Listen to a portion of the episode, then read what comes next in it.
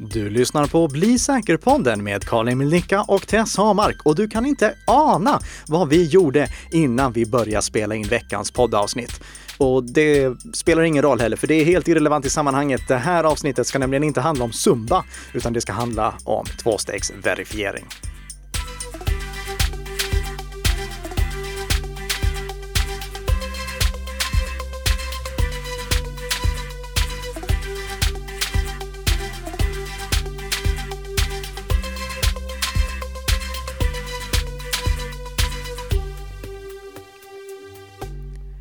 Så, god eftermiddag Tess! God eftermiddag! Och god morgon lyssnare! Eh, och med den inledningen så har ju ni då listat ut att det här är ett förbandat avsnitt. Dels för att jag och Tess var upptagna med att dansa zumba. Gick det bra för dig? Helt okej okay för att vara första gången. Mm, jag, tyckte jag, tyckte du svängde på bra. tackar, tackar. eh, nej, det, det, var jättekul. Eh, det var eh, eh Bredband2 då som den här podden produceras av i samarbete med Nikas Systems som hade en sån här Zumba-lunch. Eh, väldigt roligt får jag säga. Eh, och uppskattat mycket att jag fick följa med på, på den också. Mm. Men du får säga välkommen till dig också, eh, tillbaka från Island. Ja, just det. det hade en liten påsksession på Island och det var mycket trevligt får jag säga. Nackdelen med att det var påsk är att det har inte hänt så där jättemycket under tiden. Det verkar som att när det är påsk så tar hela världen och lugnar ner sig lite. Till och med angriparna lugnar ner sig. Så vi har inte jättemycket i veckans snabba nyheter, men några saker har ändå dykt upp. Mm. Eh, hundratusentals svenskar blir GPS-spårade via appar i mobilen. Mm. Dygnet runt och uppgifterna säljs öppet. Och det är ju ändå en ganska tung nyhet får vi säga, mm. eh, som Dagens Nyheter eh, gick ut med. Eh, som eh, eh, det var eh, Linus Larsson och Kristoffer Urstadius, två stycken av Sveriges absolut främsta journalister som hade gjort det här grävet. Och jag får säga, jag var inte förvånad över att den här spårningen för sig gick. Men jag tog ändå illa upp. Mm. För det, det, det, blev på något sätt, efter att ha läst den här artikeln så blev det ändå lite närmare mig att det här var liksom svenska exempel. Det här var inte amerikanska exempel utan svenska exempel där svenska medborgare har blivit spårade. Och det som Kristoffer eh, Örstadius och Linus Larsson hade gjort här, det var att de hade fått tag i en databas eh, som, eh, ja, som säljs eh, över olika användares positionering där den här datan ska vara anonymiserad. Men eftersom man på tidsangivelser kunde se dels var personen sov och dels var personen jobbade utifrån de här positionerna vid olika tidpunkter, så var det ganska lätt att lista ut vem som var vem. Mm. Och det gjorde då att de kunde liksom ta och välja en person, ta reda på vem det var och sen följa den personen var han eller hon gick över dagarna. Mm. Och, och, om jag har en sån här app som används för att spåra användare, då skulle någon med den här datan som bara kostade alltså några tusen lappar, det var inte miljonbelopp utan bara några tusen lappar, spåra var jag befinner mig i realtid. Ja. Det, det, känns inte jättebra får jag ju säga. Om vi ska Nej, ta en, en underdrift. Nej, och sen så lyfter de ju även problematiken kring att skulle du då jobba, låt säga inom hemsjukvården, mm. då kan de ju se också vilka personer som du besöker. Ja, visst. Ja. Det, det är jättemycket data som kan läcka på det här sättet. Jag tror, visst pratade vi tidigare om eh, eh den här träningsappen som läckte data om, eh, om amerikanska militären? Det har för mig vi har pratat om det. Yeah. Om inte annat så kan vi ta det i ett kommande avsnitt. Jag kollar upp om jag har nämnt det tidigare. Men hur som helst, det, eh, vi spåras av våra appar. Och sättet som det går till, det är egentligen att apputvecklare kan tjäna pengar ifall de går med på att inkludera sån här Eh, positionsspaningskod positionsspårningskod i sina appar. Eh, så om jag som apputvecklare skulle vilja tjäna en extra hacka, då skulle jag kunna gå med på att jag inkluderar sån här appspårningskod i min app och ger sedan den informationen som den här appen eh, ger upphov till, den spårningsinformationen, till en sån här dataaggregator som i sin tur kan sälja den informationen till de som vill ha reda på var olika personer befinner sig eller kanske egentligen i mer legitima sammanhang eh, var grupper av personer befinner sig. Det, jag tror inte att någon av de här eh, dataaggregatörerna är illvilliga i grund och botten. Jag tror att de tänker att det här är anonym data. Det är bara det att datan är så exakt att man kan, man kan räkna ut vem som är vem i den. Mm. Och det här är ju någonting som alla bör ta till sig. Eh, för eh, som vi såg i Dagens Nyheters artikel som vi självfallet länkar till så det här handlar alltså om hundratusentals svenskar som kan bli spårade på det här viset. Och det som jag skulle rekommendera alla att göra, det är att verkligen fundera över vilka appar som ska ha tillgång till positionsdata Eh, när du startar en app, då kan ju den appen säga eh, jag vill ha tillgång till eh, din position för att kunna liksom, ge mer exakt information. Och det är ju nödvändigt om vi pratar om till exempel en så Pokémon Go typ? Ja, Pokémon Go. Ah. Det, det, det, skulle inte funka utan positionering. Nej. Eller en bilnavigator, det skulle inte heller fungera utan. Men inget av de två exemplen behöver egentligen ha tillgång till din position när du inte använder appen. Eller jag vet inte om Pokémon behöver Pokémon Go det? Kan man få notiser om det finns en Pokémon i närheten? Eh, jag själv så har faktiskt aldrig spelat, Nej. men jag tänker att den är ganska platsbunden. Ja, jag funderar på, på eh, okej, okay, ni som har spelat Pokémon Go, ni vet svaret på det här själva. Det, men uh, alla sådana här appar, fundera på om de behöver ha tillgång till din platsinformation konstant eller bara tillfälligt. I iOS, då kan du Eh, gå igenom, jag, jag lägger med eh, lite illustrationer som visar det här både i iOS och i Android eh, i våra show notes som du kan kolla på. Men där kan du i alla fall välja om en app ska ha tillgång till din positionsdata konstant eller bara när appen används eller aldrig. Och ta det här tillfället i akt med anledning av den granskningen som Dagens Nyheter har gjort och kolla igenom vilka appar som har tillgång till din position och stäng av det ifall det inte finns en väldigt god anledning till att de här apparna ska ha tillgång till din position. Mm. Sen kan man ju även läsa appens villkor för persondata. Ja. Alltså står det att man delar med sig platsdata till tredje part mm. så finns det ju en risk att de säljer det vidare. Ja. ja.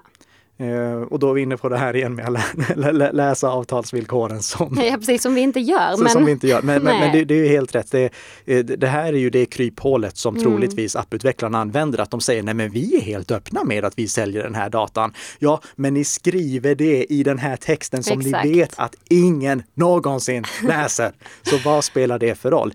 Eh, och jag hade inte haft något problem med det ifall apputvecklarna hade varit helt öppna med vi säljer den här datan till eh, de här, eh, till en sån här dataaggregatör. Och det gör vi för att vi ska kunna tillhandahålla den här appen gratis för dig så att du slipper betala för den. Problemet är att de kan inte slänga upp en sån dialogruta som ber om ett sånt uttryckligt godkännande eftersom ingen hade godkänt det. Nej. Och det här tycker jag att apputvecklarna ska tänka på att om de måste dölja sådana här saker i långa användarvillkor, då är det någonting som är fel.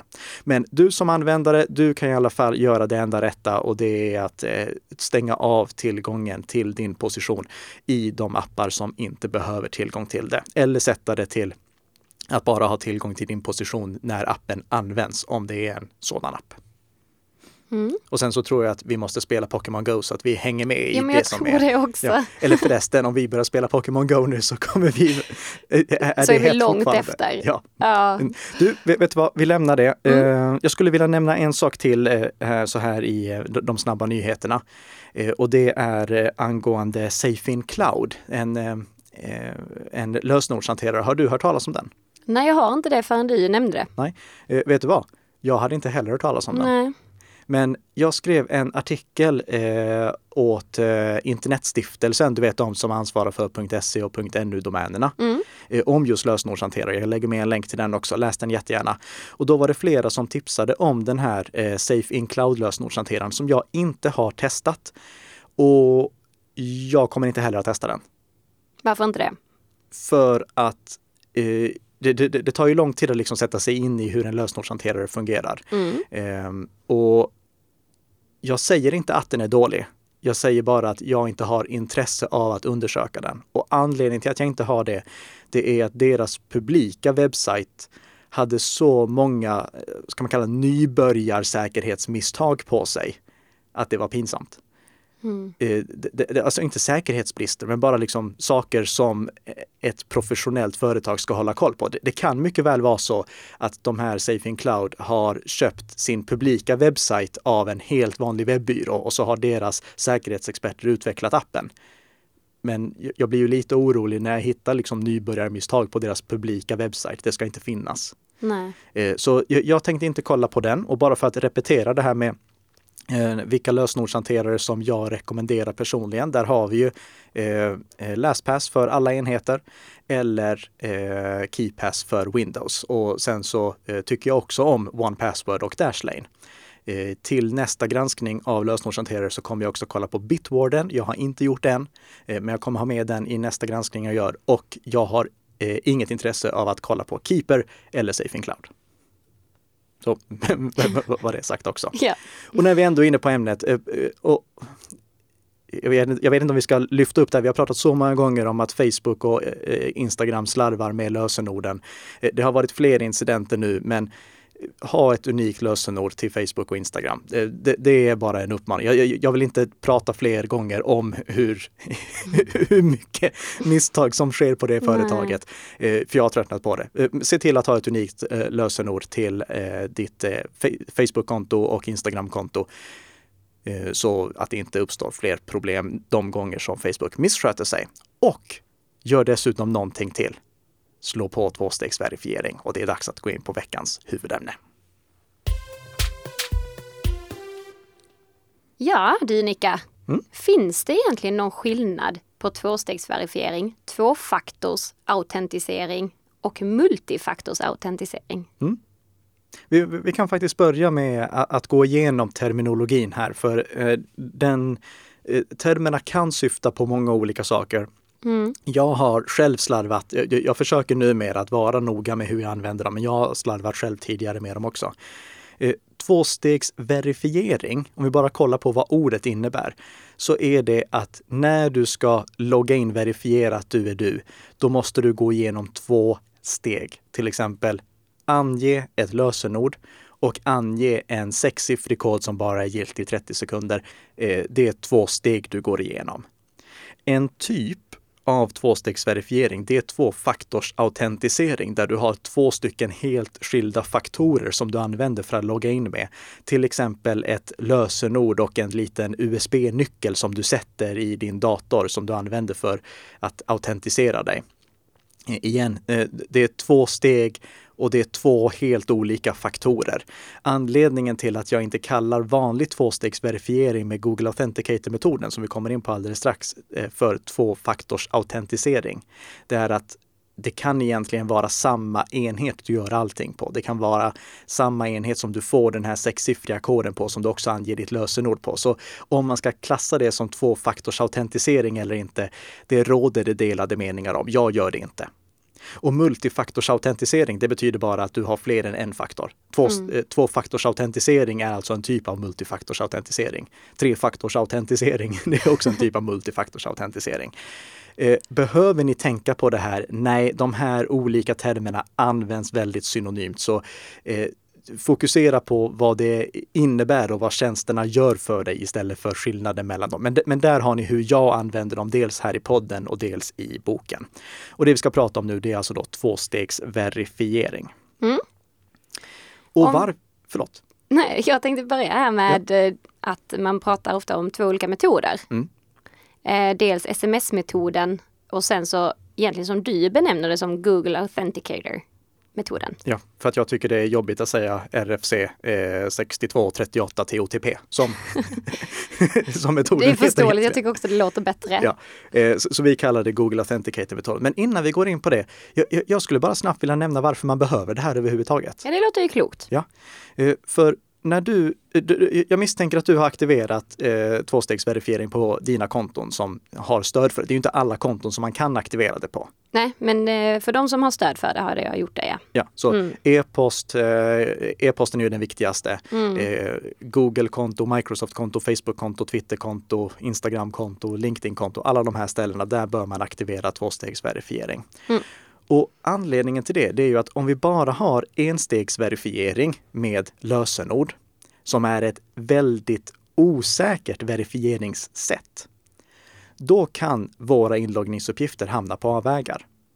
För ponera att det är någon som avlyssnar eh, din dator eller någon som bara ser vilket lösenord du knappar in när du knappar in det på tangentbordet. Då vet ju någon annan om vilket lösenord du har. Och då kan de använda det gång på gång på gång på gång utan att du vet om det. Det är som en hemlighet som har hamnat på avvägar. Du kan inte veta hur många som känner till den egentligen och du, du kan definitivt inte stoppa spridningen av det. Fördelen med tvåstegsverifiering, det är att du kombinerar lösenordet med någonting annat som är starkare än ett enskilt lösenord. Till exempel Google Authenticator. Och Google Authenticator skulle jag säga är den vanligaste bra tvåstegsverifieringsmetoden. Och den, eh, kan du inte berätta, hur, var det när du skulle eh, använda Google Authenticator? Vad var det du fick göra då? Eh, jag fick ladda ner en app mm. som stödjer då den här metoden. Och, och jag valde ju faktiskt Googles egna. Ja. Eh, det finns många appar som stöder Google mm. Authenticator-metoden, alltså RFC 6238 TOTP-metoden. Eh, men eh, vi kallar det Google Authenticator-metoden för Google Authenticator är den mest använda appen för det här, eller mest marknadsförda appen för det här i alla fall. Precis. Ja, så du, du fick ladda ner den? Jag fick ladda ner den, exakt. Eh, och så koppla, om vi säger nu att jag kopplade den till min e-post. Mm. Hur, hur kopplade du den?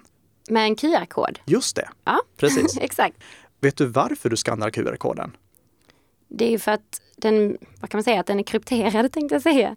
Men att den inte är läsbar. Alltså för att få upp ditt lösenord så kan ingen... Ja, inte riktigt. Är det inte så? Nej. nej. Eh, utan den här QR-koden, den innehåller det som vi kallar en tvåstegsverifieringshemlighet. Mm. Och den tvåstegsverifieringshemligheten, den visas bara för dig när du skapar eh, eller när du aktiverar tvåstegsverifiering för det här kontot. Mm. Och den QR-koden, den innehåller information som du, du, kan skriva in manuellt också. Eh, det, det, går att skriva in den. Eh, man, man, kan välja ofta i detaljer att man ska visa innehållet i QR-koden och så kan man knappa in det manuellt, men det är lättare att skanna QR-koden. Men poängen med själva skanningen eller inskrivningen, det är att du delar en sån här tvåstegsverifieringskod, äh, tvåstegsverifieringshemlighet mm. med sajten som du ska logga in på. Och den är inte kopplad på något sätt till ditt lösenord. Den har inte någonting med lösenordet att göra.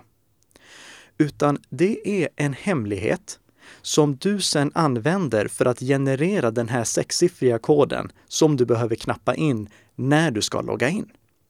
Mm. Och poängen med den här tvåstegsverifieringshemligheten, det är vi, vi kan säga att det är bara ett långt, en lång, lång siffra. När du ska logga in, då gör du en matematisk beräkning där du kombinerar den här jättelånga siffran, hemligheten, med tiden. Och då får du ut sex siffror på slutändan. Tänk dig att du multiplicerar med tiden och så tar du roten ur och så kör du modulus och så ja, fram och tillbaka. Det, det, det är en, en, en lång matematisk beräkning. Ja. Ni kan kolla upp den. Men i slutändan så får du genom att kombinera den här tvåstegsverifieringshemligheten med tiden ut sex siffror. Mm. Och de sex siffrorna kan du bara generera eftersom att du har den här hemligheten ursprungligen. Och när du knappar in de siffrorna, då jämför sen sajten som du ska logga in på de sex siffrorna med de sex siffrorna som sajten får fram när den gör exakt samma sak med tvåstegdsverifieringshemligheten som den känner till. Poängen med det här, det är att ni överför aldrig tvåstegdsverifieringshemligheten igen. Den ligger bara lagrad på servern där du ska logga in och på mm. din mobiltelefon.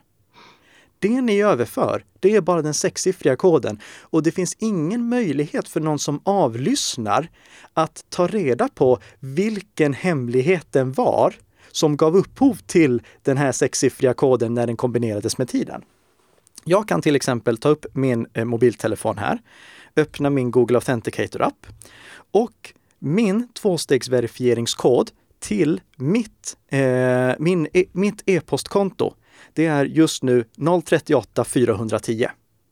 Men ni kan inte göra någonting med den, eller ni kan göra någonting med det i ytterligare åtta sekunder, för sen går den koden ut. Och det spelar ingen roll att jag har överfört det här, för ni kan omöjligtvis räkna ut vilken den nya koden är som gäller nu. Vilken för övrigt är 887 635.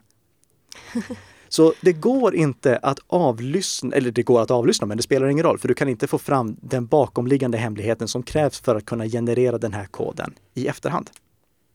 Mm. Det är poängen med tvåstegsverifiering med Google Authenticator-metoden.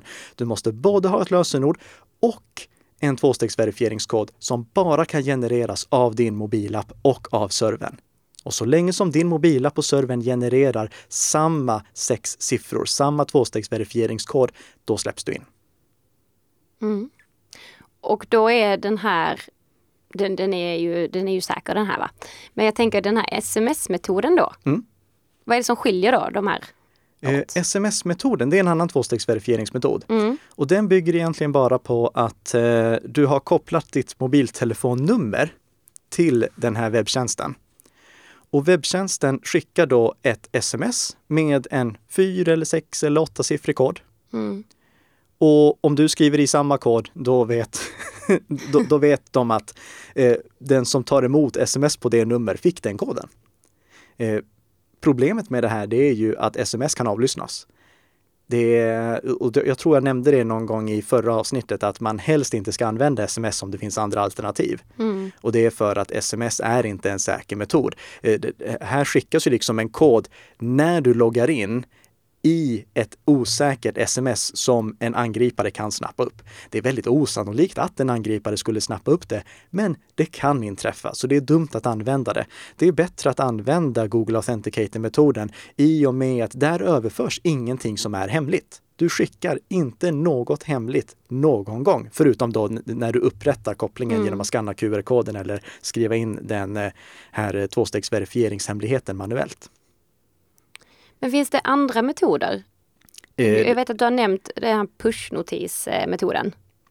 Eh, ja, pushnotismetoden den används bland annat av eh, Microsoft, den används av eh, Google i vissa sammanhang. Och det är också en bra tvåstegsverifieringsmetod. Eh, det, det, det, påminner väldigt mycket om eh, sms-metoden, men med en jättestor skillnad.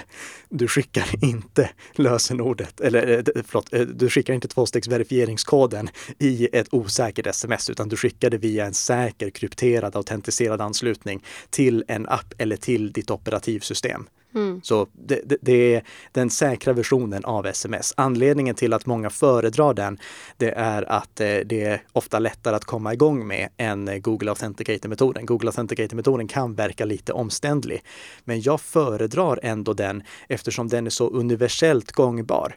Eh, om vi skulle prata med 50 personer på stan, då tror jag inte att fler än hälften av dem skulle veta vilken, vad tvåstegsverifiering egentligen innebär. Nej. Eh, lägg märke till att det här var inte någon statistik jag tagit fram. Det är bara jag säger att eh, jag tror inte hälften av dem skulle veta vad det var. Eh, och om vi då introducerar flera olika sätt att tvåstegsverifiera oss så blir det ännu mer förvirring. Så det är därför jag förespråkar att man använder Google Authenticator-metoden bara ur ett rent pedagogiskt syfte. Att det finns liksom ett standardiserat sätt som man vet hur fungerar, som man är van vid att använda.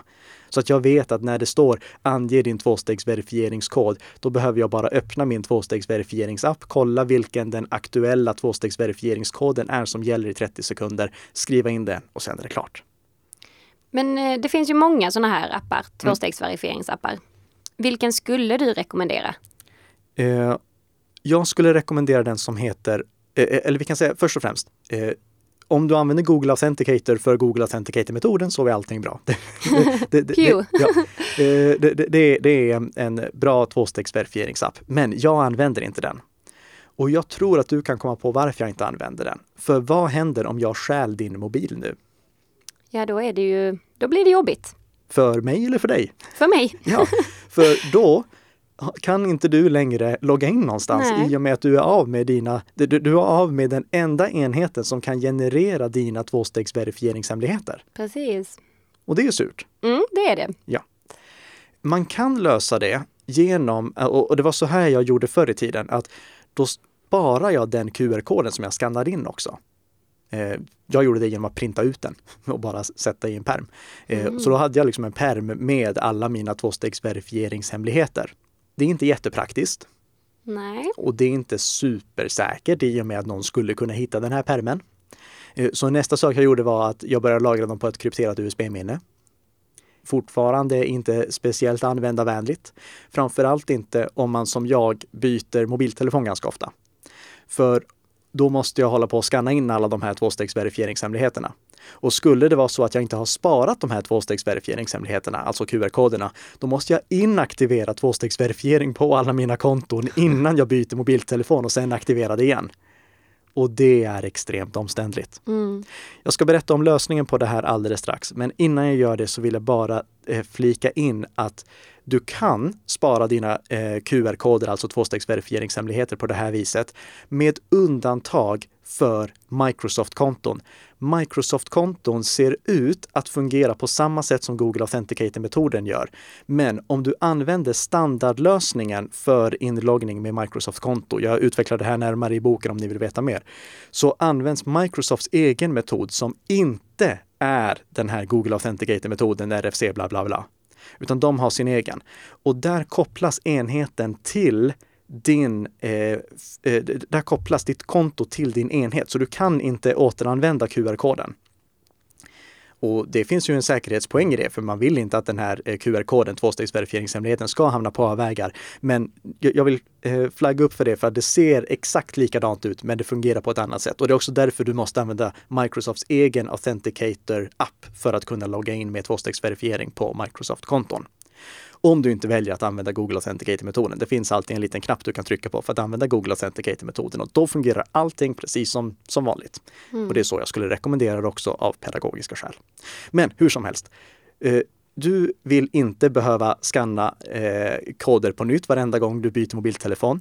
Och du vill inte behöva printa ut dina tvåstegsverifieringshemligheter och spara dem på ett säkert sätt. Så hur gör du då? Jo, du använder appen Authy istället. Eh, känner du till den? Nej, det gör jag inte. Nej.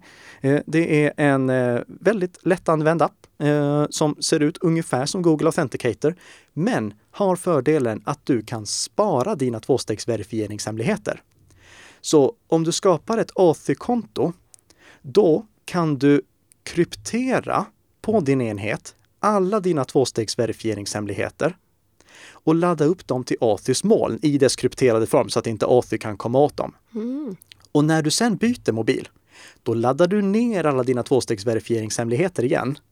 Dekrypterar dem, alltså låser upp dem på enheten och då har du alla tvåstegsverifieringshemligheter där igen. Hur säkert är detta då? I och med att det krypteras på enheten mm. så har jag inga problem med säkerheten här. Eh, för man kan säga som så här. Jag hade absolut inte lagrat mina tvåstegsverifieringshemligheter i något moln för att det tar liksom bort poängen. Men det gör jag inte heller. Jag lagrar bara ett krypterat arkiv med dem.